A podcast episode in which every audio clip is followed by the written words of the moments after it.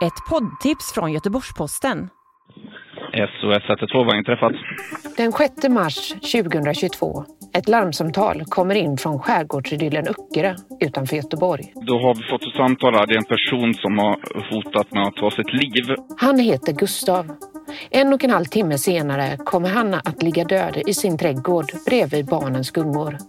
Skjuten till döds av insatsstyrkan. Men allt är inte som det först verkar.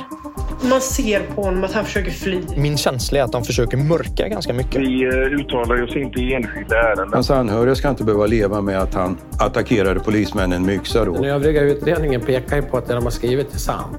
Ja, fast det, min- var ju inte sant. Det är mina... eh, Det är min, nej, men, om- De har ju lagt locket på. Det har ju vi förstått. Ja, ja det här blir bara värre och värre alltså. Jävlar vad snyggt. Om han nu ändå är död så kan de väl ge honom rättvisa åtminstone. Lyssna på GP Dokumentär, Polisskotten på Öckerö.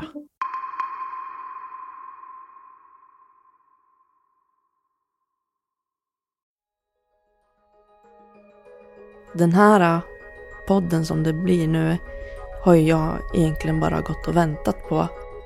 Det är alla de här tjejernas tur att få synas och höras och att vi minns dem. Hennes namn var Om mäns våld mot kvinnor och om samhället som svek. Att de hade ringt då tidigare så kanske vi hade kunnat förhindra det här. Eh, Och, och Emma hade varit vid liv. Hade jag haft den uppgiften i förundersökningen så är det någonting som jag hade åberopat och lagt fram. Runt om i landet kommer vi hitta kvinnor som mött våldet. Kvinnor som samhället svikit. Och anhöriga som vill berätta vilka kvinnorna var.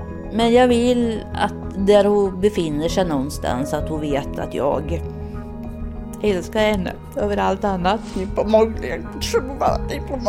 Jag känner att svenska redvissan har inte hjälpt mig. Man kan ändå inte låta bli att känna sig lite förbannad över att det är så många mer.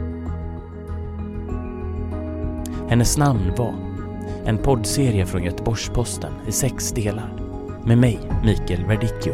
Och med mig, Madeleine Gartéus.